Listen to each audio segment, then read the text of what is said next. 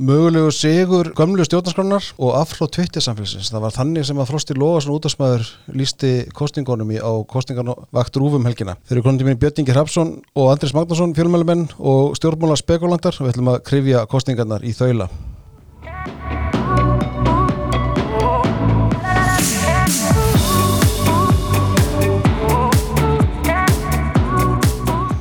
Velkomin drengir. Takk ekki lega. Gaman Takk fókur. fyrir. Sumulegis takk. Það er nóg að ræða.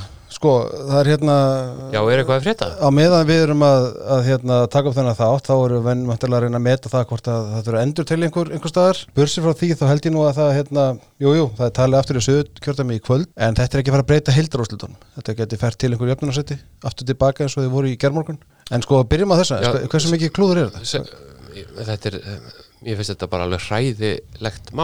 Einstaklega vandræðilegt en líka í stærra samingi gefur þetta byr undir báða vangi samsæriskenningum um að það sé ekki rétt að málum staðið, það sé verið að fykta í einhverjum grunnstóðum og svona sem að mínum að þetta er ekki rétt en, en, en um leið og menn gefa einhvers konar færi á sér og þið sjáuð alveg hvaða viðbröð þetta fær, þetta er náttúrulega einstaklega vandræðilegt og menn fara að velta fyrir sér er þetta þá eitthvað undarlegt í öllum kjördæmum, þetta hvernig stendur á því að það var þarna farið í endurtalningur, hver bað um það?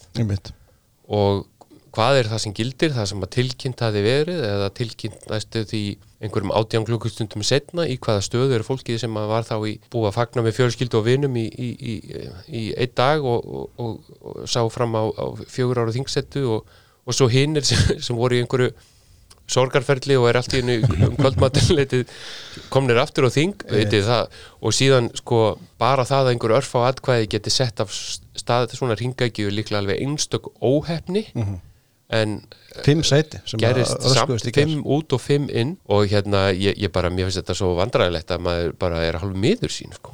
Ég held að, að það sé rétt að þetta sé einstaklega vandræðalegt og uh, leiði svona í ljósa að vinnubröðun hefðu geta verið vandari á ymsalund en, en gleymum ekki hinnu heldur að talninga atkvæða er vandaverk og uh, í hvert einasta skipti sem að það eru endur talninga atkvæði þá kemur í ljós að það er eitt eða tvö til eða frá.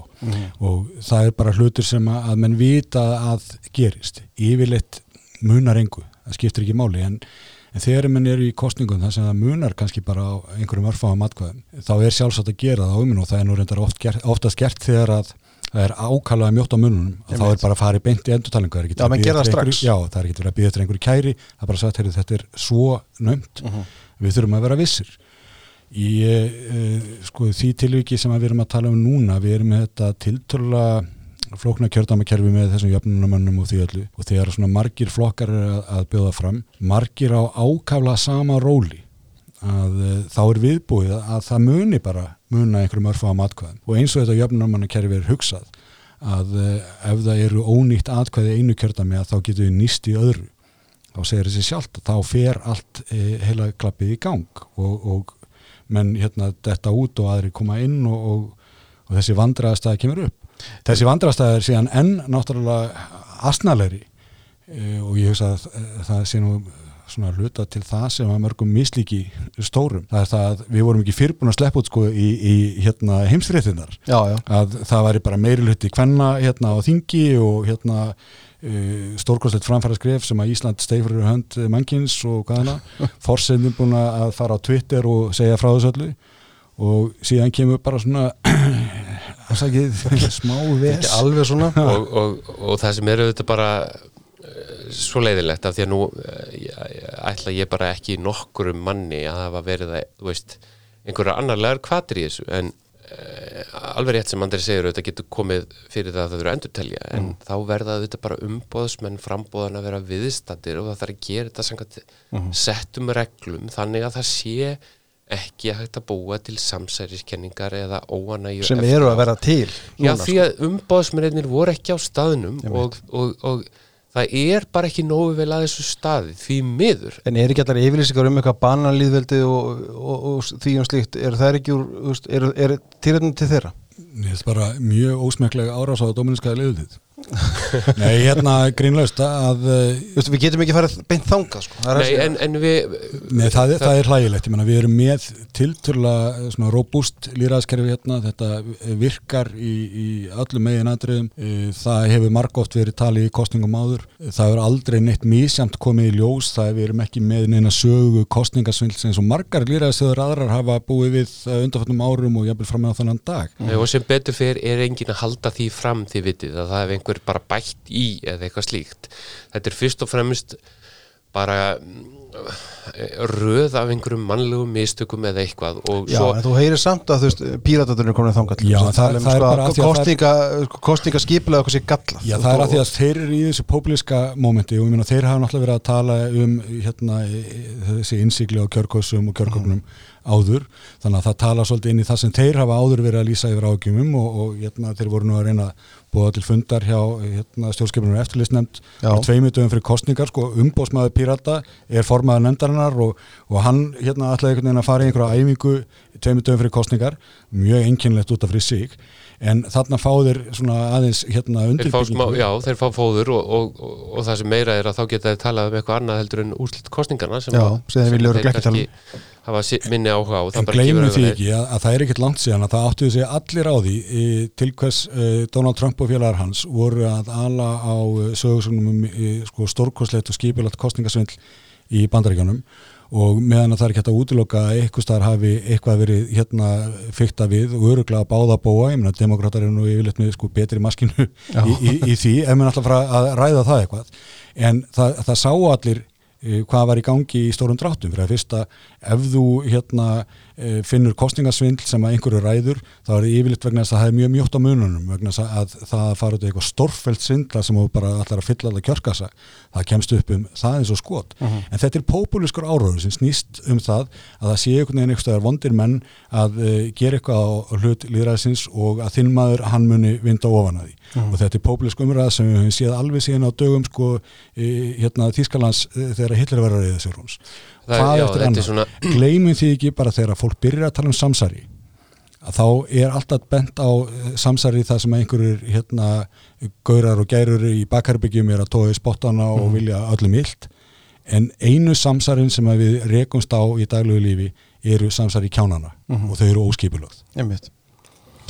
að því sögðu, ef það ekki að fara í úslit kostningana Jú, sem að eh, sumir vilja ræða og aðrir ekki sko hvað hérna í stuttumáli hvernig, hver eru svona megin skilabóð kjósenda? Ríkistöðu vann. Já. það, það er ekkit flóknar Nei og ég menna hún, hún bara gjörsigraði stjórnarnanstuna og, og það sem meira er að að uh, undir lokin gerðist það alveg greinilega hjá kjósendum að þeir völdu stöðuleika fremur heldur en einhverja óvissu um hvað geti tekið við. Og niðurstaðan er að, að þessir þrýr flokkar mismunandi hætti fá eh, bara mjög sti- sterka stöðu, það er alveg óhjákvæmilegt að álita sem svo. En En það er ekkit ákall um að gjörbylta sjávarútskerfinu, það er ekkit ákall um nýja stjórnarskrá, það er ekki ákall um að uh, þegar í dag verði líst yfir neyðar ástandi í lofslagsmálum. Ég vil ganga lengra en þú í þessu. Ég, held að það duði ekki að segja að það sé ekkit ákallum þetta. Ég held beinleins að þessu hafi verið hafnað. Þessu var auðvitað bara hafnað og, og, og svo getum við uh, fabulerað um, um uh, hluti sem að mér finnst að uh, fjölmiðlar og, og álutgjafar og, og, og, og þeir sem fjalla við sem mál eigi að taka meira til sín til dæmis stórir miðlar á borði ríkisúttarpið að, að fámennir hópar innan gæðslappa eins og Twitter samfélagið er ekki endur speglun á, á íslensku þjóðinni. Og uh, það hefur komið aftur og aftur í ljós að mál sem rýsa þar með liftur hraða og, og verðast einhvern veginn taka alveg yfir og, og, ska, og skapa fyrirstæðunar hvað segir þjóðin? Já, og, Um og, það er bara ekkert sem bendir til þess að, að þetta sé bergmál íslensku þjóðarinnar. Mm. og, og enginn er alltaf jafn undrand á því sem gerist síðan í raun og veru heldur en þetta blessaða Twitter samfélag og, og það er erfið helgi fyrir Twitter. Já og, og hérna íslenska þjóðin er bara á öðrum buksum og, uh, og, og þið, þið vitið það, ég menna það búið tökum bara fréttaflutning hérna fyrir kostninga, það búið að segja okkur að lofslagsmálinn skipti svona og svona miklu máli, ég er ekki að gera lítið úr þeim með neinum hætti. En þegar kemur að hinnu daglega lífi fólksins í landinu þá er þetta ekki efst á dagskráni, ekki heldur að ekki bara breyta stjórnarskráni eða skoða hana, heldur bara taka nokkur ára gamalt plagg í heilu lægi og það sé eina sem að koma til greina er að láta það taka gildi og ekki að brjóta upp enga fyrirtæki eins og samherja, ekki að gjörbreyta ekki riðja hæstarétt og svo framvegis. Þetta eru bara, það eru svona málflutningur, svona aðgerðir sem bóðar voru af hálf, hálfu tiltekina hópa sem var hafnað líka því að eh, binda gengi krónunar við, við annan gjaldmiðl og svo framvegis. Það er ekkert sem bendir til þess að fólk vilji fara svona sértaklegir heldur ekki að eh, gefa landsmönnum öllum ávinning af engaveðingu Íslandsbanka og svo framvegis. Það er bara, það voru allt og margir flokkar með stefnu sem að engin annar einhvern veginn tók beinlínis undir og allt í einhverjum eh, einum graut sem að gera það verkum að fólk kaus bara stöðuleikan og, og svona nokkurn veginn það sem það vissi að geti haft.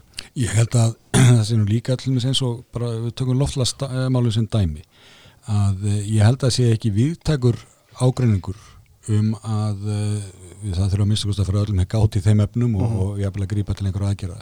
Ég held að fáir hafi litið svo á að það væri stórkostlegt kostningamál í gangi Mhm. menn hafa séð að, að núverður ríkistóttin hefur alveg tekið á þeim málum að tölur festu Uh, stærsti ágrinningunum í því er í raun og veru sko, innan VFG, ég menna á hérna, landvendin að ráða eða lostasjóna með fyrir heiminn Mhm. þar sé að það sem er í gangi hér eða ef að, að taka og það er bara tölur verið munið þannig að milli sko.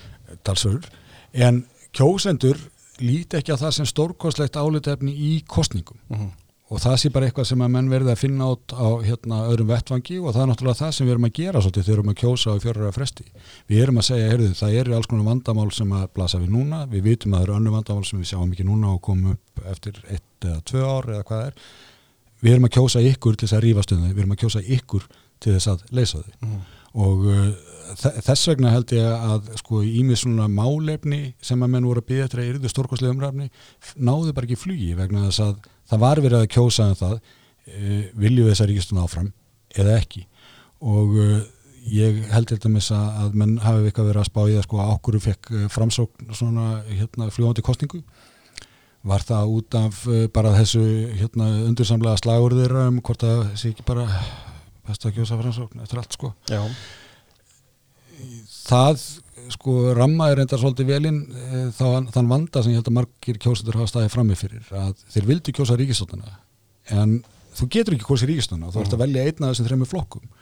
Og þá vandaðist í því. Þú getur verið sjálfstæðismæður sem að, að hérna, eða vanur að kjósa sjálfstæðisflokkin en ert ekki alveg sem sko, átt að kjósa eða byrju er Katrín einhver vandræðum eða hvað? Eða þú getur verið e, til á ópolítiskur og hérna vera að velta fyrir ég, ég vil nú að þessi ríkisvöldin haldi áfram. Maður heyrði í mörgum þannig fyrir helgi. Já, og ég menna þú veist e, sjálfstæðisflokkurinn og VFG hafa sett fram sín, e, sína kostninga áherslur, sín málefni. Það er fullt af fólki sem að, að kerði sig ekki um að taka afstöðu sérstaklega til þeirra og, og hvað átti það fólk að gera þá? Mhm. Jú, það var mjög einfalt mál, þeir gáttu kosið framsvonarflokkin þess að hann var ekki að pressa mörg málefni hann var með hérna uh, málefni badna uh, vildi taka en málefni aldrara líka uh, eitthvað sem ég held að, að sko enginn hafi andæft í, í kostningabarátunni þannig að það var bara svona nokkuð örugt atkvæði með ríkistóttunni án þess að mann var að taka of sko harða afstöðu til málefni eða í hugmyndafræðið eitthvað, þannig að það var bara já, svolítið auðvelt val. Býtu er þá líkillin á því að vera ná árangur í Íslinga pólitík dag að hafa enga skoðun eða? Fyrir framsvonarflokkin er það náttúrulega digð uh, ekki glemma, ég menna hann hefur frá uh, já, ég var að segja 1940 verið uh, hérna, að, að reyna að vera svona á miðinni og vera opin í báða enda eins og þau þetta gamla dag uh, þannig að þeir geti unnið bæði til hæri og til vinstri og ég menna og þeir bara hafa sínt að í gegnum áruna rása að þeir eru snillingar í því Hvað segir fyrirhandi borgarfulltrú og varðingmaður? Ég meina framsóknflokkum mann þessar kostningar og kostningabaróttuna Mhm. uh, ég held bara að það sé enginn sem getur mótmælt því þeir voru með skýr skilabóðu sem náðu í gegn og emitt kannski eins og Andri segir, þeir voru ekkert að flækja hlutina en þeir voru með svona ímis mál sem ég tók eftir þeir voru til dæmis að tala fyrir auknum endurgrauðslum í kvikmyndagerð Mhm. og sem að fólki finnst spennandi og ég heyrði að í sem gamall bara innanbúðar maður þar ég man eftir og ég held að það gildum alla flokka það er alltaf verið að velta fyrir sig hvernig getum við náð betur til hérna skapandi greina. Eru bara fólki í þessum bransa út um allan bæ ætlaði að kjósa framsókn og það er bara ekkit lítið að ná til En það er ekkert mála út til ávísunum sko fyrir allt það eru allir, allir gera það, ég menna Bjarni Benediktsson tilkynnti þremmu dögum fyrir kostningar að hérna bæta þjóðati tjónið og, og eitthvað slíkt og, og, og hérna þú, við getum fundið miljón dæmi um, um allt slíkt, það er, ég menna hversu, þú meinar miljardar dæma. Og, hvers, og hvers virði eru slíkar yfirlýsingar? Svandi Svavarsdóttir Hilbjörnsráð þeirra tilkynning daginn fyrir kjördag um einhverja grund og allar breytingu á, á, á, á, á fjármögnu landsbítala sem er hvers, hvers virði er svona yfirlýsing frá ráð þeirra daginn fyrir kjördag Ég, uh, ég reyndar að við nú sko bara nikja á þessu. Mér finnst þetta nefnilega óheðalegt að gera þetta. Uh, við erum með í stjórnarskrá ákvæðum það að ekkert fyrir mig greiður ríkisjóði á þess að fyrir líki samþykja alþingis og að það verða að gera með lögum. Þetta er alveg svona grundallar atri í stjórnskeiman landsins og bara allra þess ekki. Uh, þarna verður að taka ákvarðanir, kynna ákvarðanir um hluti sem ekki voru fjármagnaðir, engar fjárheimildir fyrir, það var ekki verið að færa fjö á milli málaflokka eða taka á potti það er ekki búið að tala fyrir því þinginu það er er ekki búið að eitthvað ræða þetta. Það kemur bara frétta tilkynning og þetta finnst mér eiginlega nexl já, Þetta eru svo kallega þyrlupenningar já og, og, og, Já, sko úr ímynduðum þyrlum en, Já, en það, svo- sem, það sem verður er sko að, að auðvitað er þetta þekkt vandamál utan, stóra heimi líka þar hafa hann eins og að reynda að girða fyrir þetta með Mm. því að taka sér bara hlje fyrir kostningar að bara þú veist, tveim mánu fyrir kostningar eða mánu eða þremur þá draga sig í hlje sem ráþærar, þeir halda áfram að sinna daglegum störfum og undir þetta pappir og, Mm. og senda það áfram en þeir eru ekki fljúandum á þyrlum með gullskerinn á lofti að opna nýjar brýr og hérna, byrja að grafa ný göngu og svo, e, e, og svo framvegis vegna þess að það er sagt nei, nú eru þið að skipta um ham, þið eru aftur að verða frambjöðundur og þið verðið að bara vera jafnfætis öllum öðrum frambjöðundum getið ekki gert ykkur breyða á kostnað skattgreðenda í krafti atkvæða sem það hafi ekki ennþá fengið helvískir? Ég er alveg sammála þessu og, og ég held að þetta hafi keitt alveg um þörbak núna. Það voru stanslösar frétt tilkynningar um vilja yfirlýsingar og, og, og, og ég tók bara eftir allavega tveimur áþurum sem sögðu sko, já ég hef ákveðið að setja 100 miljónir þetta og 200 miljónir þetta bara svona, það er eins og þau væru bara með sitt eigið veski að útdeila sínum eigin peningum. En það er ekki svo. Á sama tíma voru menn að gaggrina flokk fólksins fyrir að eða miklu á Facebook. Menn hvað eiga þeir hinnir flokkarnir að gera sem er ekki með þessa ráðfærastóla og uh, þú veist, þetta er bara svo, þetta er, þetta er eiginlega hlægilegt sko að hérna, en ég var rétt að byrja þegar Andris, Andris hérna tók svo freklega að þér orðið Nei, það sem ég held að, að, að hérna kjósendur hafi líka verið einhverju leiti strategískir í sínum loka ákvörðunum. Ég held að umtalsett fleiri hafa endan í kosið vafki heldur en stuttu endilega flokkin vegna þess að þeim fannst ekki að, að Katrín Jakobsdóttur ætti skilið að fá útröðið þessum kostningum og ég held að það hafi verið hár rétt hjá fólki. Og hvað heldur það að fólk hafi verið að gefa sig upp í konunum áður? Ég, ég held að það hafi verið mest hjá sósélstarflokknum mm uh, einhver leiti kannski pírötum, ég áttum ekki á því. Ég held að viðreist hafi mist tölvört að sínu fylgi undir lokin. uh, aðalaf uh, tveimur ástæðum, fyrsta lagi uh, yfirlýsingum Sælabankastjóra þar sem hann hreinlega s- sagði á einhvern lokuðu fundi skilst mér að planið bara gengi upp. Mm Sælabankin gæti bara ekki ráði við það. Sem einhverjir myndu telja að hafi verið rótök uh, vegna þess að ég veit að viðreist gefur svo út fyrir að vera viðskiptilega þengjandi flokkur og það sé alvöru fólk á bakvið sem móti stefnuna og svo leiðis og þetta var eitthvað sem það átti rosalega erfitt með að verjast Hann, átti, hann sagði að það væri van hugsað að festa krónuna við öðruna Já. sem var bara þeirra stóra, stóra mál Það bara stóra Hann bara planið. jarðaði það Já, og þau eh, hérna reyndu einhvern veginn að tengja í jörð með því að segja að þau fögnuðu þessum ummælum en auðvitað fögnuðu þau ekki neitt þau voru gjörsamlega brjál Já, þau gerðu það ekki öll sko, því að ég ætla hérna að hérna spil reyndar, ef, ef af því að, að síðan sá maður að sumi frambjöðundur viðreistnar urðu algjörlega brjála út í sælabakastjóra fyrir að hann hefði einhvern veginn blandað sér kostningabartuna og allt þetta. En gleymið því ekki að það hafa núna undanfjöndum 20 árum hafa verið skrifaðar ótal skýrslur um gjaldmælamálin Mhm. uh, þessi kostur hefur alltaf verið tekin sko inni bara þess að hafa hann með. En þar hafa mér alltaf verið að segja nákvæmlega þetta, ekkert annað. Og bara segja við höfum reynslaði að festa okkur. Við vitum hvað það kostar, við vitum hvað það er ógeðslega erfitt og uh, í, sko, eftir að Englandsbanki var tekið niður hér á árið ég meina þá vita menn að, að bara um leið og ferð út í svona æmingu þá ertu að bjóða heimtíðin sko, hérna hrækumönum, þú ert að bjóða heimtíðin þeim sem ætla að gera árásamiðlin til þess að ná í allan fjársöðin Þú ert að- þú ert að- þú ert að- þú ert að bjóða með veðmál sem þú ræður ekki við Ég ætla að fá að spila hérna stjórta klippu sem að Guðbrandur Einarsson frambjóðandi hérna viðræstnar og þingmaður eftir, eftir kl. 6 í gær let falla í hérna um miðanótt. Hvað sér þau? Það kemur óvart. Já, það kemur óvart, verulega óvart. Það er eins og að einhver fylgisbreyting hafa átt sér stað bara núna allra síðustu, síðustu bara tvo daga og ég veit ekki hvort að það viðtal sem að tekið við Sælabankastjóra sem að byrt var í gæraða fyrradag hafi haft neikvæð áhrif fyrir viðrest. Tilur það sem möguleik. fannst þetta bara mjög óabyrt að fá þetta viðtal í loftið núna rétt fyrir kostningar. Þetta er ennbættismæður að tjá sig á neikvæðan hátt um, hérna, stefnusgrá eins flokks og mér finnst þetta eiginlega bara forkaltalegt að þetta skulle hafa átt sér stað. Þú fordæmir sælabankastjóra fyrir þetta. Hvað segir Þú fordæmir sælabankastjóra. Já, mér finnst þetta bara mjög sérstætt og ég held að ég veit ekki hvort að Sælabankastjóri hafi ætlað sér að þetta fari í loftið við þessar aðstæður. Mér, mér er sagt að þessi upptaka af honum hafi átt sér stað fyrir tveimur að þreimur vikum en svo er hún byrt bara núna rétt fyrir kostningar. Þannig að menn gátt ekki bröð, bröð, hérna, farið í einhverja varnir út af þessu. En, en mér finnst þetta mjög sérstætt að sjá Sælabankastjóra Já, já, þið, heyrið tónin þarna sko, en, en sko, Já, en hann náttúrulega er margsæði í þessu, hann, hann segir fyrst að þessi viðtal og síðan að þessi upptaka og síðan eitthvað Ég meina, ég veit alveg þetta var hvað- ekki viðtal, sko, taka ég, það fram. ég veit alveg hvað gerist þannig, ég meina það var uh, félag löggjaldra endurskoðanda var með reikningskilataðan daginn Mhm. uh, sem að er náttúrulega spennandi rástafna sem ég veit að þið vil ekki stolt með Já, já. en uh, þar var hann sem að hann flutti uh, erindi þar uh, um Sælabankan uh, skipulagans eftir að fjármála eftirlitið rann þar inn og hérna helstu starfsemi og það allt. Og síðan tók hann spurningur og sala á eftir. Og uh, þetta var þriðið að fjóraða spurning sko, sem lauta þessu í stefnu við snar og hann svaraði þessu með þessum hætti sem að, að hefur náttúrulega komið fram í rítum Sælabankans áður. Mhm. uh, gaman að segja frá því að uh, það var uh, fóristugurinn í morgunblæðinu fyrir hvað, tveimu vikum sem var uh, mjög uh, hérna samasinnis og uh, þú veist, það voru engar fréttir í þessu. Þegar að hann flutti uh, þetta erindi þarna og, og svaraði með þessum hætti þá voru sagði fréttir að því uh, minnstugust í morgunblæðinu og minni fréttablæðinu líka þau þessi viss. En uh, það sem gerðist eins og var það að félagi setti sem sagt upptöka því að þessu var stremt á svona tíma.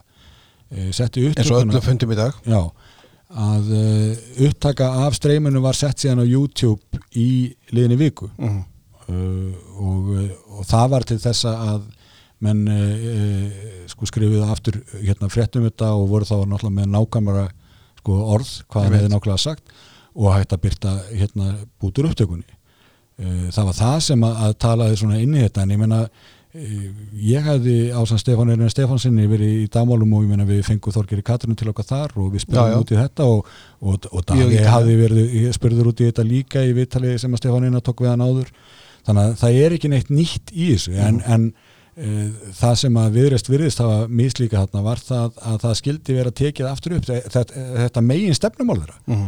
og að einhver hérna skildi dyrfast að uh, hafa efasendur á það.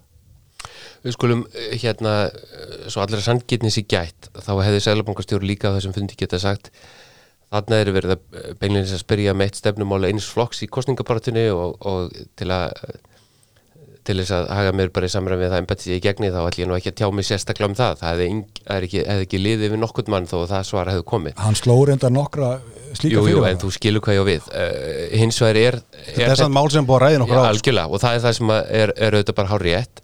Fyrst og fremst er þetta bara það að þarna er stjórnmálflokkur og mikið ágættis fólki sem þarna er búið að móta þessa stefnu, fólki sem veit heilmikið um viðskipt og efnahagsmál. Og ég held að hafi upplifað þetta sem að líða mjög mikið áfall vegna þess að trúverðuleikin þeirra gekk út á að þau væru með annað plan sem gæti verið miklu betra fyrir Íslandst viðskiptalíf og svo framvegist, þið skiljið alveg hvað ég á við. Síðan kemur bara Sælabankastjóri og segir þetta gengur ekki upp og það er eins og þetta sé van hugsað sem er bara mjög mikið áfall fyrir þetta fólk sem að telur sig einmitt ekki vanhugsa hlutina heldur að hafa undirbyggt þá mjög vel. Já, og er ekki með gífur yrði Það sem ég held daga, hins sko. vegar að hafi líka skemmt fyrir viðreist uh, vegna þess að flokkurinn fekk sannarlega ekki uh, það í þessum kostningum sem að stemt var að er mótilið sem að þau eru að spila í Reykjavík. Og mér finnst að viðreist þurfið svolítið að taka til sín og, og ræða ofnbeglega það er það að flokkurinn var sannarlega ekki stopnaður sem vinstirflokkur hann var stofnaður eh, af mörgum óunaðum alþjóðlega sinnuðum sjálfstæðismönnum sem sáu hlutina með öðrum hætti en ekki vinstrumönnum við sáum hins vegar undanfarnar vikur í til dæmis umræðunum vinstri stjórn og annað að umræðinu bara, var bara að ferða að gera ráð fyrir viðreist eins og hverjum öðru vinstriflokki. Og það var engin sérstök umræða um það einu sinni. En sló Þorgerur Katrin ekki þann tón eftir kostingan 2017 með því að funda með samfélgíku og, og pýrutum eftir, það er til myndbandaði þar sem þeir eru að lappa saman í Jú, jú. Östuföll og Heimir Már kemur og mótið þeim og það er bara, þau eru öll hann saman sko Jú, jú, en ég minna Sigur Ingi fundaði líka með vinstrafólkinu heima hjá sér sko fyrir fjórum árum og Já, já. er bara, fólk er líka að reyna að sína kurtis og annað, en það sem ég er, punkturinn minn er þessi hvað er viðreist? Er það miðurflokkur eða einn af félagsvíkjuflokkunum eða er það einhver borgarlegur hægri flokkur uh, sem alternatíf við sjálfstæðisflokkin? Ég held að kjósundur hafi ekki átt að sjá því og síðustu dagana þegar að landsmenn voru sumir hverjir og hrættur við uh, mögulega vinstri stjórn eða allavega einhvern glundróða og stjórnarkreppu að, og höfðu kannski þessa tvo valkosti í höfðinu, annarkvort viðreisna eða sjálfstæðarflokkin, þá fóru þeir margir heim einfallega út af þessar ástæðu. Já, ég held að, að það sé alveg rétt að við erum glýmisóti við vanda þarna að eh, þeir eru náttúrulega með þetta stóra uh, mál sem stendur hjertarinn næst uh, sem er Evrópumálun sem er ekki alvöru í umræðinni og uh, ég meina við sáum bara einmitt hvernig þessi gjaldmælamál fóru. Ég held reyndar að uh, þau hafi verið döð að færa þarna sko að um, þau virtist ekki taka eftir því að Sælabokastjóri hann gaf nefnilega upp annan möguleika. Hann sagði að það eru, þetta er ekki sens en það sem eru kostur hérna að það er Európa-samansaðild með Európa-upptöku eða það er bara þetta flotgengi sem við erum með núna. Og hann tók fram að, að Európa-aldin hefði ímsa kosti en því vildi náttúrulega líka ímis kostnaður og ábyrð en menna, hann var ekkert að skjóta það niður og þau hefði alveg getað tekið þennan bolta á bringuna tekið hann niður og skotið. En þá þarf þau svolítið að segja sko að það eru tíu ári í efruna það, það fylgir því sko. það er en, en hérna- að hún, Þorgir Katrin sko. var, jú, hún, var, hún sagði það í viðtali við okkur, hún sagði við skulum alveg gera okkur grein fyrir því. að þetta tekur allt tíma og þú veist, jafnveg þó svo að við eh, náum sko samningum við eða sko sæðlabankana með tíma að, að þú veist, það tekur, það tekur samt sem að tíma að gera þetta. En, en hérna en Európa-sambandsaðild sko, hún geti í besta falli tekið 6-10 ár held ég hún nefnt. Þið tóku kannski eftir að það var mjög kalt á milli Þorgerðar Katrin og Sigur Inga í hérna kapraðum bæði á stöð 2 á 5 og rúfa á 1 og, og, og ég heyrði því að þau hefðu farið að hakka rífast eftir fundin á stöð 2 Það- þessi, Bara- sko, þessar árásur og lilju Já, frá hennar hálfu fara mjög illa í framstamenn Já, tögurnar eru þandar en gamla reglan sem mér var kent í þessu og ég held að sé alltaf í fullugildi er það að ekki vera æstur í beinni útsendingu eða á fundum. Verður rólegur og þá held ég að Sigurður Ingi hafi grætt á því ekki síst í þessu fjölbreytta litrófi uh, sem að mætti í þessum uh, kappræðum út um allt. Og það var nú aldrei svo óknótt af viðtölum og, og, og, upplýsingum að uh, fólk hefur meiri tilhengu til að treysta þeim sem er bara einhvern veginn rólegur Já, já, og tekur ekki stórt til orða og er bara svona einhvern veginn einhverju jafnvægi. Og, og hérna þeir viti allir, það geta allir farið á taugum og lokasprettunum og, og fólk er orðið þreytt og, og er ekki búið að sofa lengi fullan svefn og svo framvegis. En, en, en þú mátt helst ekki sína það að þetta hafi áhrif á þig. Já, þannig er náttúrulega líka uh, svona ímis vandamál sem að félast í því að þetta eru tveir flokkar sem að skilgreina sig báðir á miðunni þannig að þeir ættu að vera slástóldu um sama fylgi. En þeir eru ekkert að því að það eru aðrir ásar sem að, að skipta máli. Það er svona meira einmitt þetta hið þjóðlega og hið alþjóðlega. Og, uh, og það held ég segir nú sko einmitt var þetta síðan sko viðrist nú sjálfstæðarflokkin að, að það er orðið svona, svona kultúrmunur á þeim. Að uh, þetta er meira lataleipjandi hérna liði í viðrist ekki reynda með lópatrefla heldur hérna mjög fína slæður. Já, já, en Já, en sjálfstæðarflokkurinn er að tala meira inn í hérna eh, sko verðmændasköpununa og það allt. Eh, Þessi munur held ég að við höfum til að sjá sko víðar í pólitíkinni á næstu árum vegna að, við sjáum bara strax hvernig höfuborgin er allt öðru sættur en krægin. Það þarf ekki að vera lengra. Hvað þá ef þú fer út á land? Þetta á eftir að verða, trúi ég, meira ábyrrandi og það snýst ekki Hvernig allt. Ég, ég, það er bara þetta hérna menn hafa séð þetta víðar elendi sem er hvernig bara borgir verða öðruvísi heldur en landsbyðin uh, og það snýri mitt svolítið að uh, atvinnuháttum, uh, atvinnulífi. Ég meina það er ekki tilvílun skilur að eins og píratar sem eru mjög staðsettir í borginni að þeir eru að reyfa þessum hugmyndum um borgarlön Mhm. uh, og svo framvegis. Þú heyrir í borginni að sjálfsögðu mikið tala um hérna frumkvöla, nýsköpun uh, hérna, hérna, einn skapandi yðnaði eða listir eða, eða hvað með vilja. Meðan að, að þú þarft ekki að fara lengur inn í kópa og til sem að séu bara að tala meira um hérna, bílaverstaði og hérna, Já, já, hvernig fiskast alvöru vinnu, en ekki að slafa Já og, og, og við veitum líka bara auðvitað, maður þekki það bara úr, úr, úr, þessar pólitík að, að mjög mikið af fólki sem til dæmis fluttist utan á land til uppbóksins fór og flutti til Hafnafjörðar eða Kópavogs sérstaklega þegar þeir bæir byggðast upp með alveg rosalega miklum hraða og Mósisbæjar og, og, og hérna og tókuðu þetta með sér að mörguleiti sína stjórnmálaskoðanir. Uh, og, og ég held nefnilega að það sé ekki allir í Reykjavík sem gerir sér grann fyrir því að út á landi er uh, hérna fólk sem hefur líka pólitíska skoðanir og fylgist vel með og oft verður maður svo undrand á því þegar maður fer út á land og er að tala við fólk þar hvað það er að tala um aðra hluti heldur en maður heyrir í síbiljunni á Twitter eða í sumum fréttatímum, þið veitir hvað ég við bara það sem að viðfangsefnin eru bara önnur. Og ekkert minna merkileg en þau eru bara önnur. Það er bara stundum eins og manni finnist að fólk búi í öðru landi. Svo getum við líka séð þetta sko, innan borgarlandsins og kannski svolítið aðrilsvært, það voru ymsið sem að, að svona, klóra Það sér- munur á graf og í Vesturbæ til dæmis. Já, Já, já, og ég meina e- nákvæmlega og menn, það voru sumið sem klóruðu sér í höðan eða því að uh, sjálfstæðarflokkurinn sem vanalega hefur verið sterkar í Reykjavík norður heldur en Reykjavík söður, þetta snerist við núna. Og uh, hva- hvað var það, spurðu menn?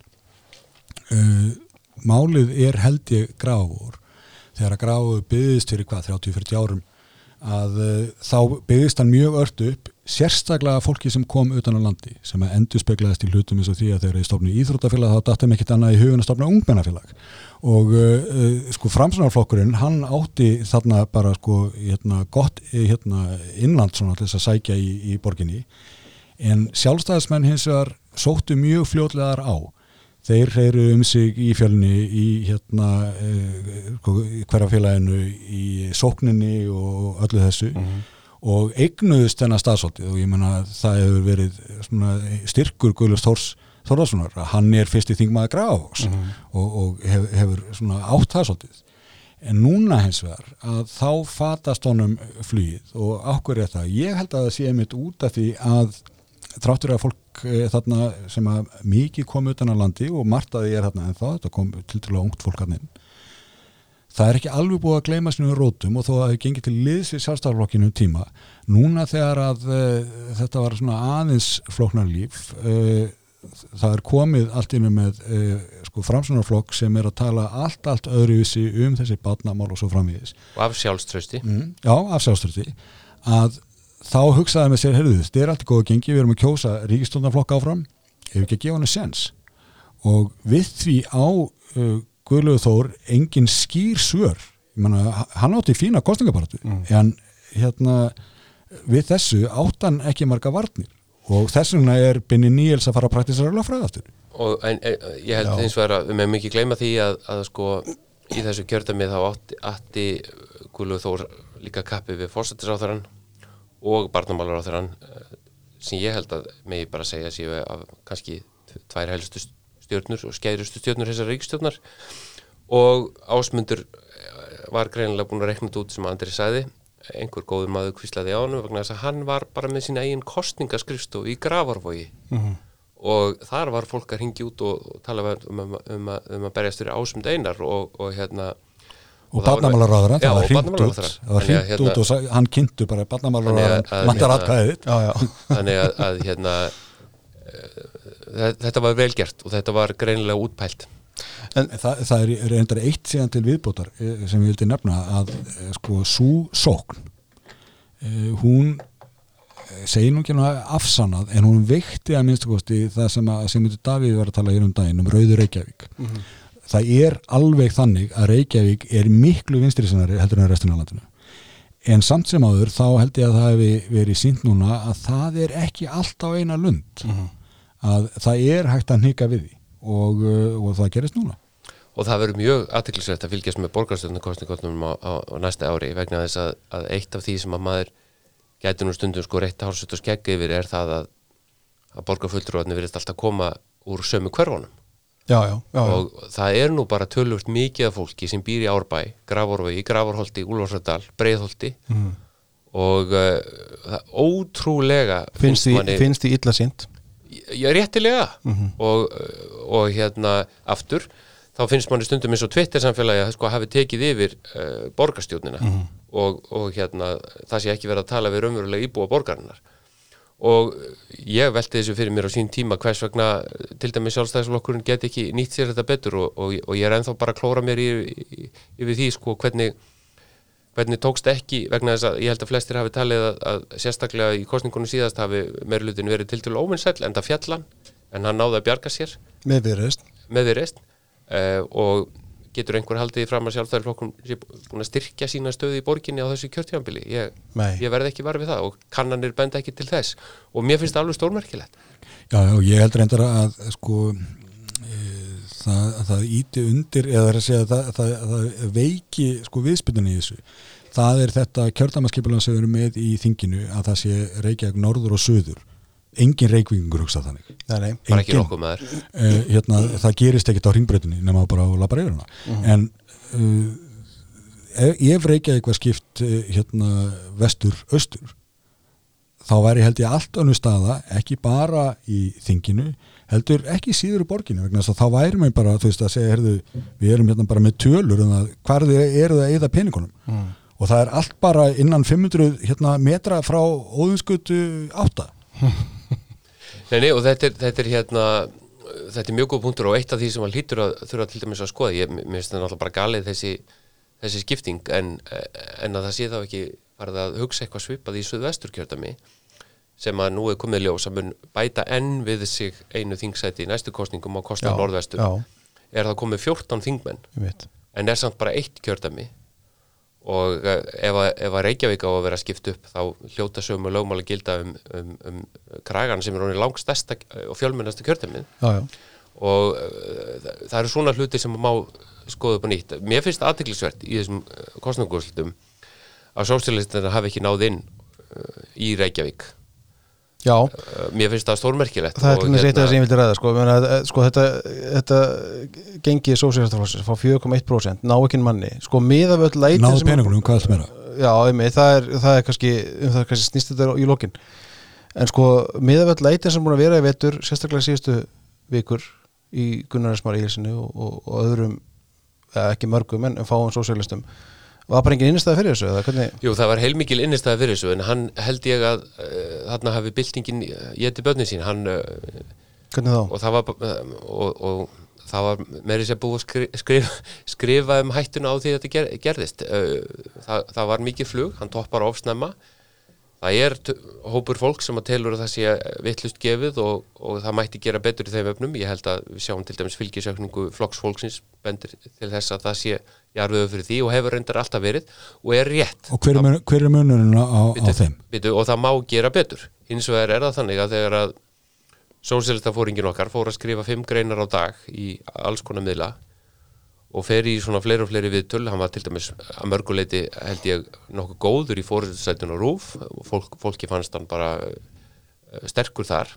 Síðan fer að koma að riðja hæstarétt býtu, eða að segja, svo fer að koma að riðja hæstarétt, svo kemur frambjöðandi flokksins einn á oddutunum og talar um að það þurfa að stopna sósélskan ríkisfjölmiðil og blaðamenn þurfi að, að sækja um styrki til þess að fjalla um tiltekna hluti sem þau þurfa að fara yfir. Svo, fer hann að, svo er allt í einu farið að tala um að, Björn Bjarnason eigi að vera klósetturður í valhöll og allt í að brjóta upp stórfyrirtæki?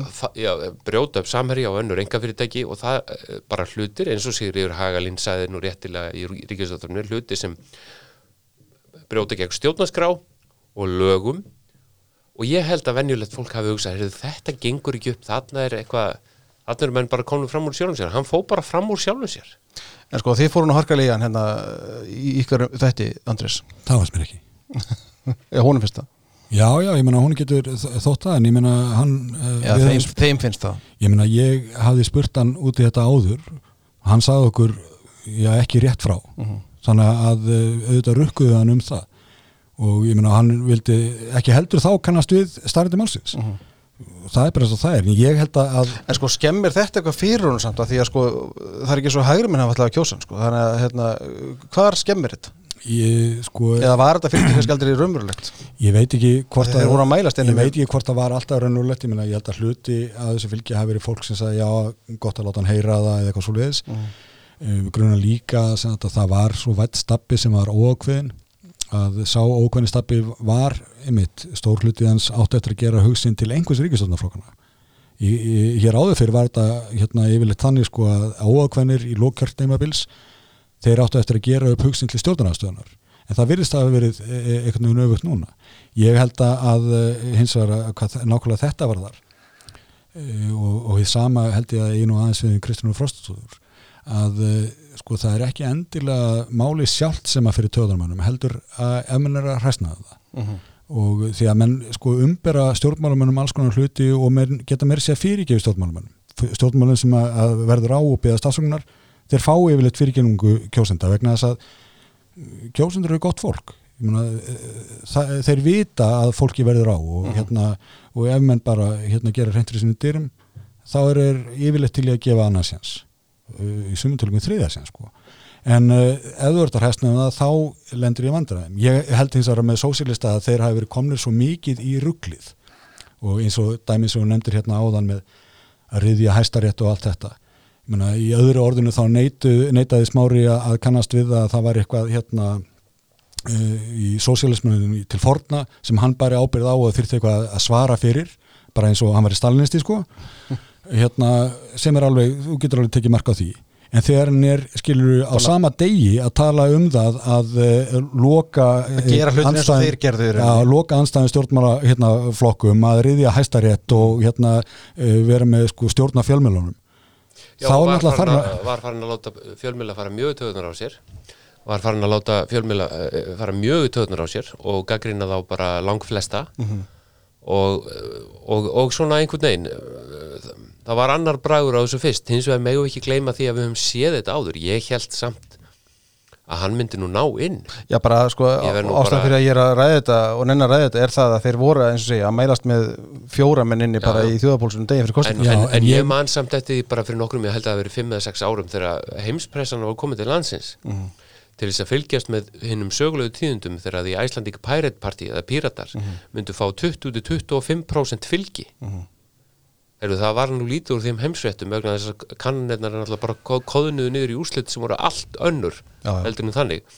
Og, og, og við höfum séð þetta áður. Ég mann þegar uh, samstaða flokku Lilju Mósustóttur sem aldrei varð til uh -huh. maldist með 27% í skoðanakonunum og menn fór að tala um að Íslands stjórnmálalandslega var í gjör breytt sko það er ímislegt sem gerist. Eh, mér finnst að kannanafyrirtækin verða að skoða þetta aðeins. Ekki það að ég skil vel að það er að halda því fram að í grunninn hafi ákveðin trend skilað sér og svo framvegis en úrslitinn er ekki bara í ímsu ósamræmi við það sem Twitter samfélagi held fram að væru stó, stóru málinn eh, heldur eh, sínist manni allum frambjóðundum og stjórnmáli spekingum hafi komið óvart hversu afgerðandi þetta varð kannski fyrst og fremst út af því á síðustu tveimu sólæringunum ákváðu mjög margir sig eða skiptum sko. En er þetta ekki bara svona þannig að Ef ég maður, Spengi, ég, ég, ég hérna, reynda að spyrja það spurningar hérna aðan þegar þú varst að tala um sólsýrista ég sagði já, en hver er munun á þeim og, og, og flokki fólksins sko? Og já, fyrst, ég, fyrst og svarar ekki þá, þá skal ég gera það fyrir því Nei, ég skal, skal byrja, þú mót botna það. Ég held að Inga Sæland Jakob Fríman, Tommi í búlunni Marta við svo ágæta fólki í snáðna það er ekki að tala um byltingu. Það er að tala um að það megi gera betur það megi gleima tilteknum hópum og svo frammeins þeir eru ekki að tala um kannski, ég veit ekki, öfga fullan málflutning eins og að riðja hluti eða brjóta upp fyrirtæki eða eitthvað slíkt. Ég held kannski fyrst og fremst að þau hafi í þessum félagskap þóttu vera uh, Er þau ekki basically að segja að við búum í, í velmjögunarsamfélagi og við getum bara gert betur fyrir okkur að hópa? Jú, er það, bara, er það ekki rétt hjá þeim? Jú, veist, en er það ekki bara ég, ég, og, og, það, en það er líka punkturinn sko. það þarf ekki að, að því rauninni segja það sama en þau segja sann sko en fyrstur að breyta stjórnarskrá og gera eitthvað fjandan sko til bingo, að hérna bingo. Já og, og við getum að, ekki unni með sjálfstæðislokk og við getum ekki unni með þessu ég, ég held að þarna þegar komið einmitt bara beinta að rétta svarinu þessu sem er þetta að, að Inga Sæland og hennar fólk þau einbettir sér að segja heyrðu, sko, það eru hlutir hérna sem það er að laga það eru bákjör til að hópa. Við viljum bæta það og við ætlum að gera með þessum og þessum hætti og svona getur við deilt um það hvort það sé allt praktist en þau voru ekki einmitt að segja en fyrst þurfum við nýja sjálfnarskrá eða fyrst þurfum við að rífa niður kvotikrafið eða, eða hvanað mm. slagur þeirra er fólki fyrst, svo allt hitt.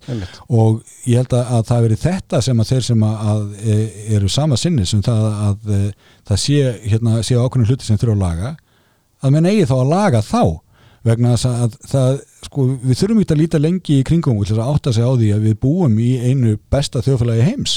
Að við búum í frjálsu friðsömu þjóðfélagi það sem er auðvelt eh, hérna, ef allt er í lægi að, að hérna, komast á lappirnar og gera það sem að menn vilja gera í lífinu til þess að leta hamingjunar.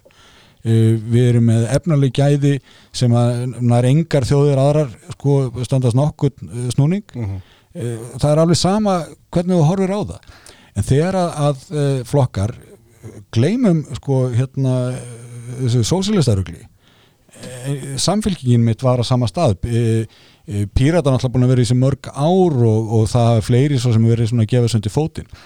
Sem tala bara hérna eins og það sé allt í rúgandi, rúgandi rúst og hérna það verði bara að umbylta öllu og breyta öllu og, og, sko, og þess vegna komst inn og eiginlega þeirri niðurstöðum mitt með, með smára sko, að hann væri ekki kommunisti eins og margir heldur, hann væri nýhilisti það er að segja að hann vildi rífa hlutina niður hann vildi brjóta þá upp vegna að hann vissi hverjir, hérna, hver skotmörkin væru en hann vissi samt sem aður ekki hver markmiðin væru vegna þess að hann bara ætlaði sér að brjóta en hefði minni á að því hvernig það ætti alltaf að, að hérna, sko, hérna, byggjast upp og ég held að kjósendur hafi átt að segja þessu að hann, það gerir ekkert verið heimilisbókaldi sko. nei, að það, hann gæti auðvitað brotið margt niður gott sem slæmt Mhm. en hvað kemur staðin, það væri eitthvað flóknara sko. en á hvaða staðir samfélgi ekki komir þegar að þetta er niðurstaðan að Inga Sælendi er meira 9,9. trúveruleika þegar að hún er komin nýri Já, hún er, 9,9 hún er alveg hún er bara á mögnuðum stað Mhm.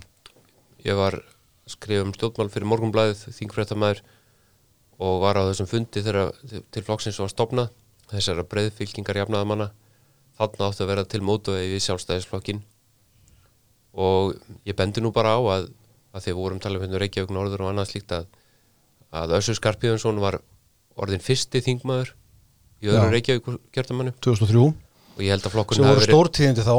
Já, það var gífurlugur árangur. Uh, ég held að flokkurinn hafi verið með tæplega 33% þegar flokksmenn í samfélkingum komast þeirra neðstöðu þeir séu með formann sem dræði ekki nægilega mikið fylgi að.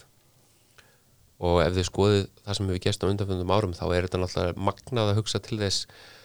Eh, ég mann þegar ég var uh, á fullu í framsóknflokknum og við vorum að etja kappi við samfélkinguna sem var með hérna, mikið loft í lungunum og talaði um tveggja turna tal og þeir lögðu það til við helstu fjölmiðla að það erðu bara viðtöl við frambjöðundur sjálfstæðisflokks og samfélkingarinnar síðan gætu mögulega orðið aðri þættir fyrir svona minni spámenn. Þannig hugsuðu þau, þau voru upptekinn af blerismannum og, og þau væri með þriðju leiðina og, og þetta væri svona jafn og ekki sjálfstæðisflokksins alveg klálega ef ekki eitthvað meira en það en við þurfum ekki svona að fara svona langt áttur í tímana því að sko Átni Páll var að mælast með 32% í Já. söðu kjörtumi þegar hann var oddviti þar og formaður sko akkurat, en svo Já, getur og, maður bara það, og það er eftir að Norræna velferðarstjórnin Já. var sko búin að fara hér sem eldur um sinnu sko. En Já og samfélgi bara- bara... að fá útreið í kostingum já, já, en, en við rættum þetta hérna á sín tíma sko, ég, kratarnir sem hafa kosið samfélkinguna undanfjöndum árum voru náttúrulega raktir í burtu. Það var farið í einhverju mjög fyrðulega hreinsanir innan flokksins. Mikið af frambjóðundum sem að, uh, höfðu annarkvort ekki bakland í flokknum eða komið annar staða frá eða voru frekar róttæki til vinstri. Það, uh, enn einu sinni fórum enn í vin, keppninu um hverju væri mesti vinstri maðurinn. Og, og hófsemdar kannski svona kratarnir eða miðjufólkið eins og við vorum að ræða þetta með viðreist og framsókn það fann sér þá ekki lengur í þessum flokki og fór þá bara einfallega annað. Síðan komu yfirlýsingar sem bentu ekki lengur til þess að formaðurinn teldi þetta vera mjög stóran stjórnmálflokk eins og það til dæmis að útloka samstarfi sjálfstæðisflokkin Eh, flokkur sem ætlar að auðvitað er hann að vísa þar til þingvallastjórnarinnar og þess sem geraðist í raunstjórninni ekki En gleyma það- því að hann eiginlega misti þetta út úr sér í hitta leiksins á, á kostninganóttu en fann sér síðan knúin til að, að breyta því úr sem sagt, einhverju urri yfir í stefnu? Og- og, og þeir bökkuðu þetta upp sko, alveg þangli bara núna fyrir mánuði. Þá byrjuðu svona að tala þetta aðeins niður og segja njá, þetta er nú ekki sko prinsip hjá okkur, það er bara, þú veist, við viljum frekar mynda stjórnum vinstri og og, hérna þannig getum við áfram talið. Ég, meina, ég nefndi áður að við erum að lýsi við neyðar ástand í loftslagsmálum. Þeir voru fannir að taka undir kröfu pírata um, um nýja stjórnarskrá strax sem að ég bara veit og allir vita sem fylgjast með pólitík að er sannarlega ekki einhugur um í samfélkingunni og við þurfum ekki annað en að velta fyrir okkur málflutningi Átna Páls og Kristrúnar Heimistóttur í þeim efnum og Össur Skarpjæðinsson og, og, og, og svo framvegist það hefur ekki verið þing meir hluti fyrir því og það er ekki meir hluti fyrir því og þarna er flokkurinn einhvern veginn að einangra sig í einhverjum fámennis sjónamiðum sem er þvert á það sem hann var stopnaði fyrir til þess að vera breyðfylking margra abla sem myndi höfða til fjöldans og það er óskiljanlegt að, að, að alls konar svona mistök hafi verið gerð og allavega geta þeir sem tóku þessar ákvarðan ekki orðið undrand á því að árangurinn sé eins og hjá litlum flokki sem er með tiltekin sjónamið en ekki breyðfylkingu sem á að róma margvísli En sjónamið. þetta eru reyndar svolítið klassisk mistök uh, hjá vinsturumennum og ekkert bara hér á Íslandi að uh, þeir virðast ímynda sér að þorri fólks sé mun vinstri sinnari en hann er. Mm tilfelli er auðvitað í fráslendu líræðisríkjum að þá eru flestir eitthvað staðar í kringum miðjana. Þar er stóri nappurinn og menn geta verið svona aðeins til vinstri við hann og aðeins til hæri við hann. Uh, sumir flakka á milli eins og gengur en sko menn eru tilbúin til þess að kjósa oft uh, flokka sem eru lengra til vinstri en þeir sjálfur til þess að reyfa málum eða lengra til hæri til þess að reyfa málum. En þegar menn eru kjósa stöðuleika þá á það nú ekki við en að fara út í eins og uh, samfélgingin gerði að endurskipa hérna, frambóðslistana henda á þingmönnum og allt þetta tala stort um ákveðin mál ég held að það hefur bara sko bakfarað alveg ræðilega og aðtilsvert að þeir voru þarna un- undir lokin virtustu vera aðeins að sækja í sig veðrið. Og ég veit að á vegum flokksins var það að ringja í, í svona vinstri menn og varað á við til dæmis VFG, varað á við sóselstarflokknum, sóselstarflokknum fær aldrei ríkistjórn, ég veit að það var svona slíkar útringi herferðir í gangi. En ekkit af þessu virðist það var skila sér til samfélkingarnar, já, merkilegt og það er. Ég bara, ég spyr, e- ef þið horfið á stefnumálum sem voru að setja fram og skilirðinn og allt þetta uh, sko hversu relevant eru þeir? Alveg eins og ég held að píratar hérna séu, ég menna þú veist, þeir eru kannski góður fyrir hérna sitt fólk og þeir náðu bara nákvæmlega sama fylgi eða, ég menna en hva, hvaða máli skipta þeir? og þetta er eitthvað sem ég held að þeir þurfa að hugsa svolítið vel um, bæði píratar og samfélg og, og kannski viðrisna aðeins annan hátt að það er sko, hverju getum við bifað eða erum við bara hérna til þess að vera í söfnuðum? og ég heldur endur að Lógi Einarsson sé búin að fatta þetta þegar hann er farið að tala aftur um sko, þetta stærra samstarf sem er auðvitað komist í ljósið þess til hvers þessi flokkur var stopnaður Já, já. en, en, en þetta er alveg rétt sem Andri segir með hvað á viðreist að gera, segjum að það verði núna þessi ríkistjórn næstu fjögur árin Mhm. allar viðreist að komið til fjögur ár og fara að tala um að gangi að Európa-sambandið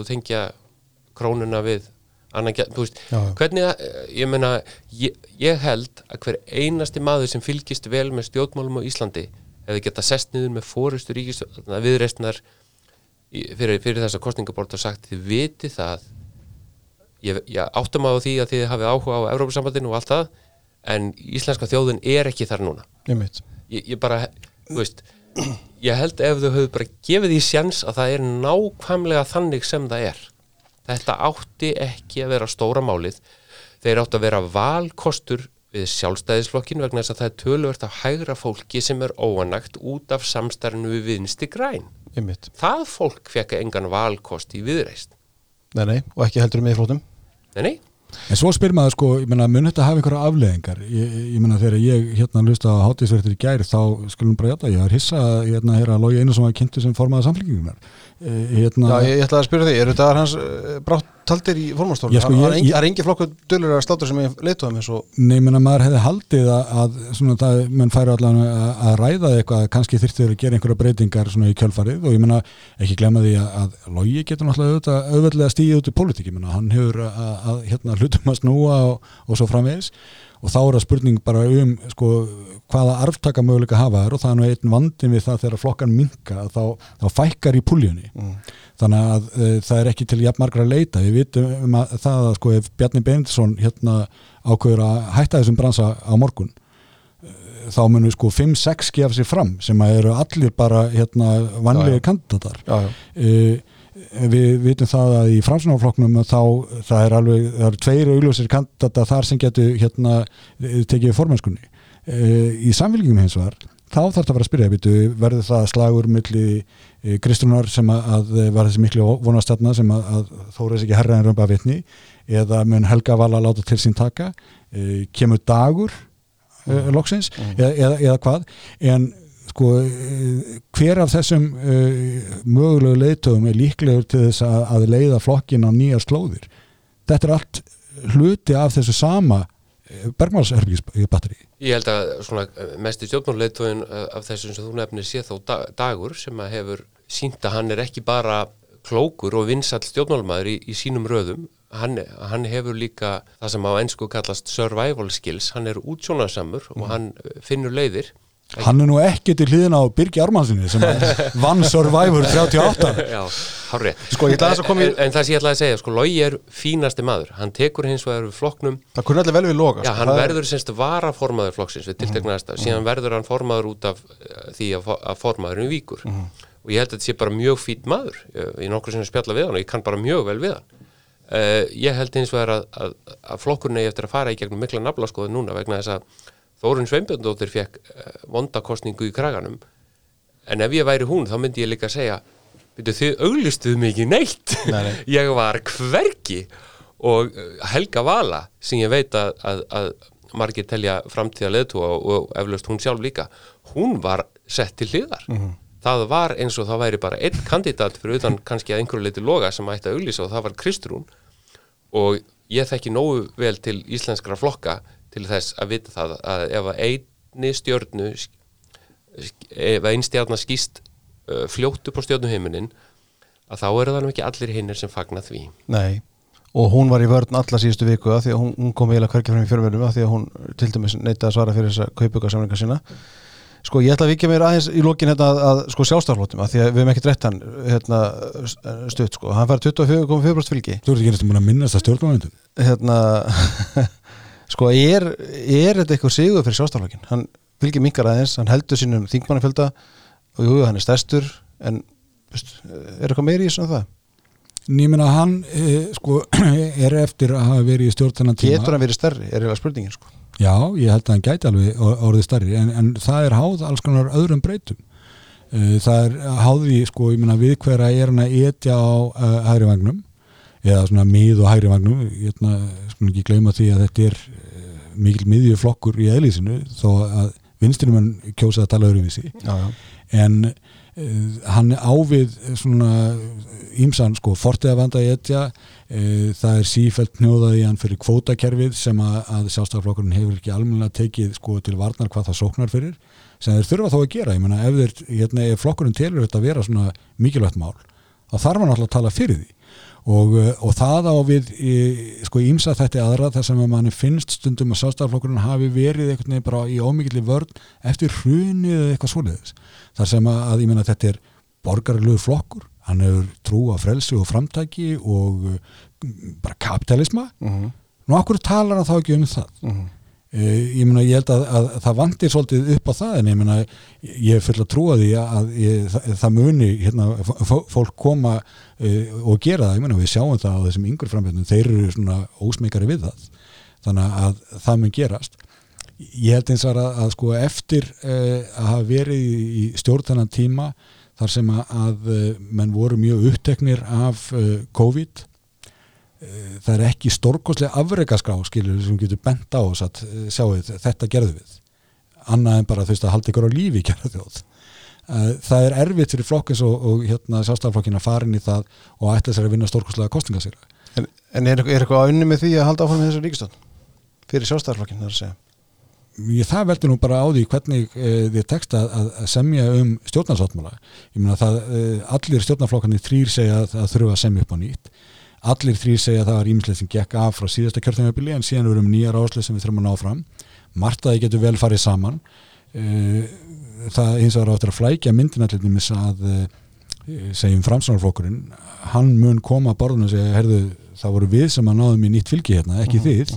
þannig að uh, það þýðir að við þurfum að fá hérna meiri okkur hendur bara til þess að endur spekla vila kjósenda hvernig ætla að menna semja um það? Ég menna uh, Sigur Ingi, hann getur sagt er, er það ekki eðlilegt að ég veri fórstrára uh, af öðrum ástæðum þá hérna, ég menna vinstri grænmunu mjög ósannilega að fella sig við það og frekar lappa frá ef það á að vera skilri ég hugsa að bæði sástæðarflokkur og framsvonarflokkur geta alveg felt sig við að hún verði áfram fórstöru meðal annars vegna við vita að það eru samningar rétt bróðum sem að vera mjög erfir og þá getur verið gott að vera vinstri mann við stjórnvölinn til þess að hérna Það voru- svona sömur öku voru nótið 2017 sko. Já, já, já, já. Ég held sko hérna Bjarni hefði uh, hætt ef að úslitin hefði orðið í samræmi með þessar kannanir sem síndi eitthvað kringum 20% ef að sjálfstæðarflokkum fyrir áfram með ríkistjórn og náði þó þessu að þá held ég að staða hans sé, sé sterk. Hins vegar held ég að margir sjálfstæðismenn séu auðvitað hugsi einfallega út af því að nú kannski blasir við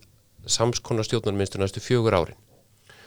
Og ég er ekki að segja ykkur einn tíðindi þegar ég held í fram að hægri menn er ekkit að fá all drauma sína upp, eh, hérna, að sjá þá rætast í samstarfi þessara þryggja flokka með vafki, það er bara þannig. Þú þarf ekki að segja okkur frá því augnas að við sögum þér frá því. Já, nei, nei, og það mun þá halda áfram. Já, já, og sjálfstæðisflokkurinn eh, ég skrifaði nú pistil um þetta tveimundum fyrir kostningar að menn þyrftu að muna það að þeir eru sjálfstæðismenn og sjálfstæðis og hægri menn og, og, og vera með eitthvað sjálfströst í það. Ekki vera að keppa uh, hérna í einhverjum svona réttrúnaði eða einhverju slíku.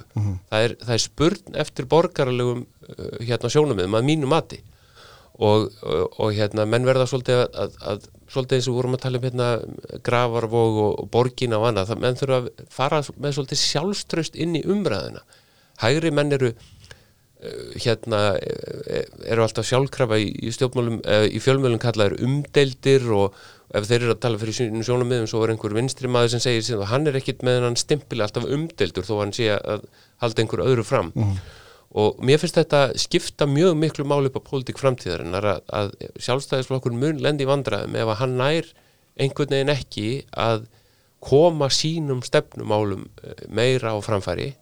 Uh, hann varaði við vinstri stjórn réttilega og glundróða sem því getur fyllt en auðvitað er hann að mörguleiti í sambúð með sínum uh, höfuð anstæðingi ef svo má segja á, á ásum stjórn, stjórnmálar og, og hérna og vinstri græn verða að fá ímislegt fyrir sinn snúð ef að þau halda áfram. Og svo er eitt sem að trublar sjálfstæðarflokkin í sti- styrku sögulegu stöðu er það þegar menn eru fannir margir flokkar að útiloka samstarfið hann fyrirfram. Venjulega var þetta þannig að það var sjálfstæðisflokkurinn sem ákvað með hverjum hann ætlaði að dansa. Ekki öfugt. Uh, ég er alls ekkit að halda neinu öðru fram heldur en þessi ríkistjórn muni halda áfram, það er bara blasir við. Og það var ekkit verið að byggja um neitt annað en vandi sjálfstæðisflokksins er alltaf sá, núna sem er alls ekki það sem að var hérna áður fyrr.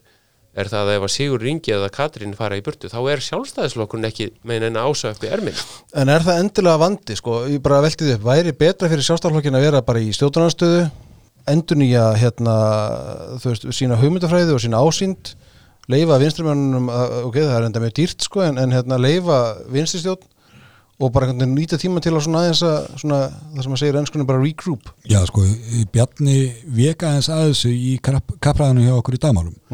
Og hann sagði að, að sem, þegar sjálfstæðarflokkurinn var í stjórnarnaðanstöðu á tímum uh, Jóhannustjórnarinnar að það hefði að mörguleiti verið holdt. Uh, menn hafi fengið tíma til þess að mitt að hugsa um pólitík og, og sko, hvaðan flokkurinn var að koma og, uh, og finna sér sitt erindi og ég vil nú kalla það erindi frekar en hugmyndafræði vegna þess að uh, eins og ég nefndi að hann sjálfstæðarflokkurinn er ekki eindregin hægri flokkur, hann er uh, svona miðhægri flokkur og uh, rúmar margar eða svona til dæla breyðar skoðanir. Þannig að uh, þessi sjálfstæðastefna hún er breið. En heitur þú eitthvað, eiga eitthvað annað erindi heldur en bara það að kunna stýra ráðanend? en Er vantar ekki- þá það ekki, Já, en spurning sem já ég þarf eitthvað, eitthvað aðeins meira en samt sem aður, ég menna, það er líkur alveg fyrir, ég menna sjálfstæðarflokkurinn er kerfisflokkur. En vantar þá ekki hreinlega hægri flokk? Hægri flokk sem að fer þá að gera það sama eins og við höfum séð á vinstrikantinum það sem að svo sérst að frambóðið að önnur frambóð koma fram og fara að tala um því þeir ekki nógu vinstri sinnu þarf þá ekki bara annað slíkt frambóða hægrivægnum sem að heldur mönnum við efnið sem eru þá í þessu miðhægri uh, Kreðsu. Þetta, þetta var kenningin í Danmörku en Og- hún og- hefur ekki reynst borgarlegum eflum þar sérstaklega hapatrú. Í uh, Svíþjóð að uh, þá uh, he hefur uh, þetta ekki verið alveg svona, þar hefur verið móturatina hefur verið stór og það hefur svona virkað að það kjósundum finnst þér hafa uh, kost þar og ég held reyndar að uh, sko þegar maður horfir uh, þetta flokka kraða kjarna að ég hef ágjör af því að þráttur er að úrvalið sé orðið svona mikið að þá séu kostir kjósenda minni vegna þess að þeir geta fundið flokk við sitt hæfi og kosið hann en þeir viti ekki hvað þeir fá upp úr Nei, og það, þeirri kostningu og það vegna er- þess að þeir þurfa síðan að semja Já. og þetta endur allt eitthvað staðar. Og það er einmitt eitt af því sem að var held ég sem að hafi unnið gegn stjórnarnarstöðunni er það einfallega að, að það var þarna einhver valkostur sem var áframhaldandi ríkistjórn og menn vissu þá nokkurn veginn hvað það væri jafnvel þó það væri að, að, að, heilmiklu leitin til miðjumóð uh, en hver var valkosturinn hinum einn? Hvert var planið? Já, já. með hverjum ætlaði viðreitn að vinna hvað ætlaði samfélkingin að gera og svo framvegis þannig að, að hérna kjósendurnir segjum að einhver hafi bara talið að viðreitn væri með efnarspunktana sem skiptu máli og, og ætlaði bara að veðja á þá. Með hverjum ætlaði viðreitn að, að, að, hrinda þessari stefnu í framkvæmd? Með Ne hver, nema þessum sömu stjórnarflokkum sem voru að berjast á móti. Já, það, það sem ég er að segja þannig já, að þe- þetta er auðvitað Þetta er auðvitað hérna, mjög flókið en, en ég held að við getum öll huggað okkur fyrir það að vilji kjósenda mun rætast í því að, að ríkistjóðun mun bara halda áfram næstu fjögur árun og þá geta uh, hægri menn eins og þið tveir góðu vinni mínir hist hérna reglulega og, og harmað ykkar hlut og, og saknað frjálsíkinur og svo framvegis og Já, það verður nóg að tala um. Það Já, en ég held að á þessum fjórum árum að eitt af því sem að þarfum þetta að taka til umræðu uh, það er breyting á kjördamakerfi Mhm. sem að, að það er bara hægt að, að sem kjördamakerfinu verður breytt örlíti núna á bara á einhverju næstu vikum þar sem að verður fluttu þingmaður úr norðvest í, í kragan. En þá er allt svigrum kerfisins á þrótum þannig að menn þurfa að fara að ræða núna hvernig viljum við breyta þessu systemi þannig að við getum kosið eftir, í, eftir átta ár? Og uh, þetta er veist, viðkvæmt efni til þess að ræða þannig að það er eins gott að menn gefi sér góðan tími í það. Uh, ég held að uh, það getur ímsir fallist á að það verði fjölgað uh, kjördaminu verulega. Uh, vegna þess að menna, við erum að horfa upp á þeim í kjördaminu eins og norðvest það sem að menn vita að það eru þrjú bara mjög aðgreint svæðiðar Já, þetta á bara við um öll landsbyða Já. kjörtum sem, er- sem er verið að halda saman á einhverjum mjög dúbíðsforsendum við erum að tala um hérna borgina sem að auðvitað sko ætti að vera mun fleiri kjördæmi þó ekki verðum allir þess að bara eh, ná aðka, væginu sko í lag. Suðunisasvæði það sem er meir en 20.000 og svo minna heldur en það af öllu hinnu samanlegu kjörtaminu og svo framvegis. og þetta verður, verður mjög erfitt að finna einhverja sko löst uh, og hínum einn hafa menn síðan þessa auglösulust sem er að segja, heyrðu, hefur ekki bara breyta landinu uh, í eitt kjördami og leysa þannig þetta uh, vandamál varandi vægi atkvæði eitt skipt fyrir öll. Og það er mjög freistandi löst vegna þess að hún er mjög einföld og augljós. Já, ég, sko, ég segi það er einföld lausn en ég er ekki að segja að hún sé góð. En menn þurfaðum þetta að ræða þetta vegna þess að, að slíku fyrirkomlagi fylgja mörg önnur vandamál eins og bara hefð augljósa að höfuborgin mun þá öllur á það Já, nei, nei, og það er ekki fara að gerast. Uh, Ég man eftir ræðu á landsfundi sjálfstæðarsins Andrés manns eftir þessu? Úti á landi ég, ég hugsa ekki með það. Jú, jú, jú, ég man vel eftir þeirri ræðu. Varst það þú sem sagði þetta? Já, er það ekki fín logo? Það eru, látum þetta dögi í bíli Það er hérna, við höfum eftir að hittast hér oft og ræða heilmikið um þetta allt saman og sjáum hvernig ríkistundin sjáum hvernig ríkistundin verður til næstu, á næstu dögum. Andrés og Björningi, þakka fyrir komuna. Takk svo mjög takk.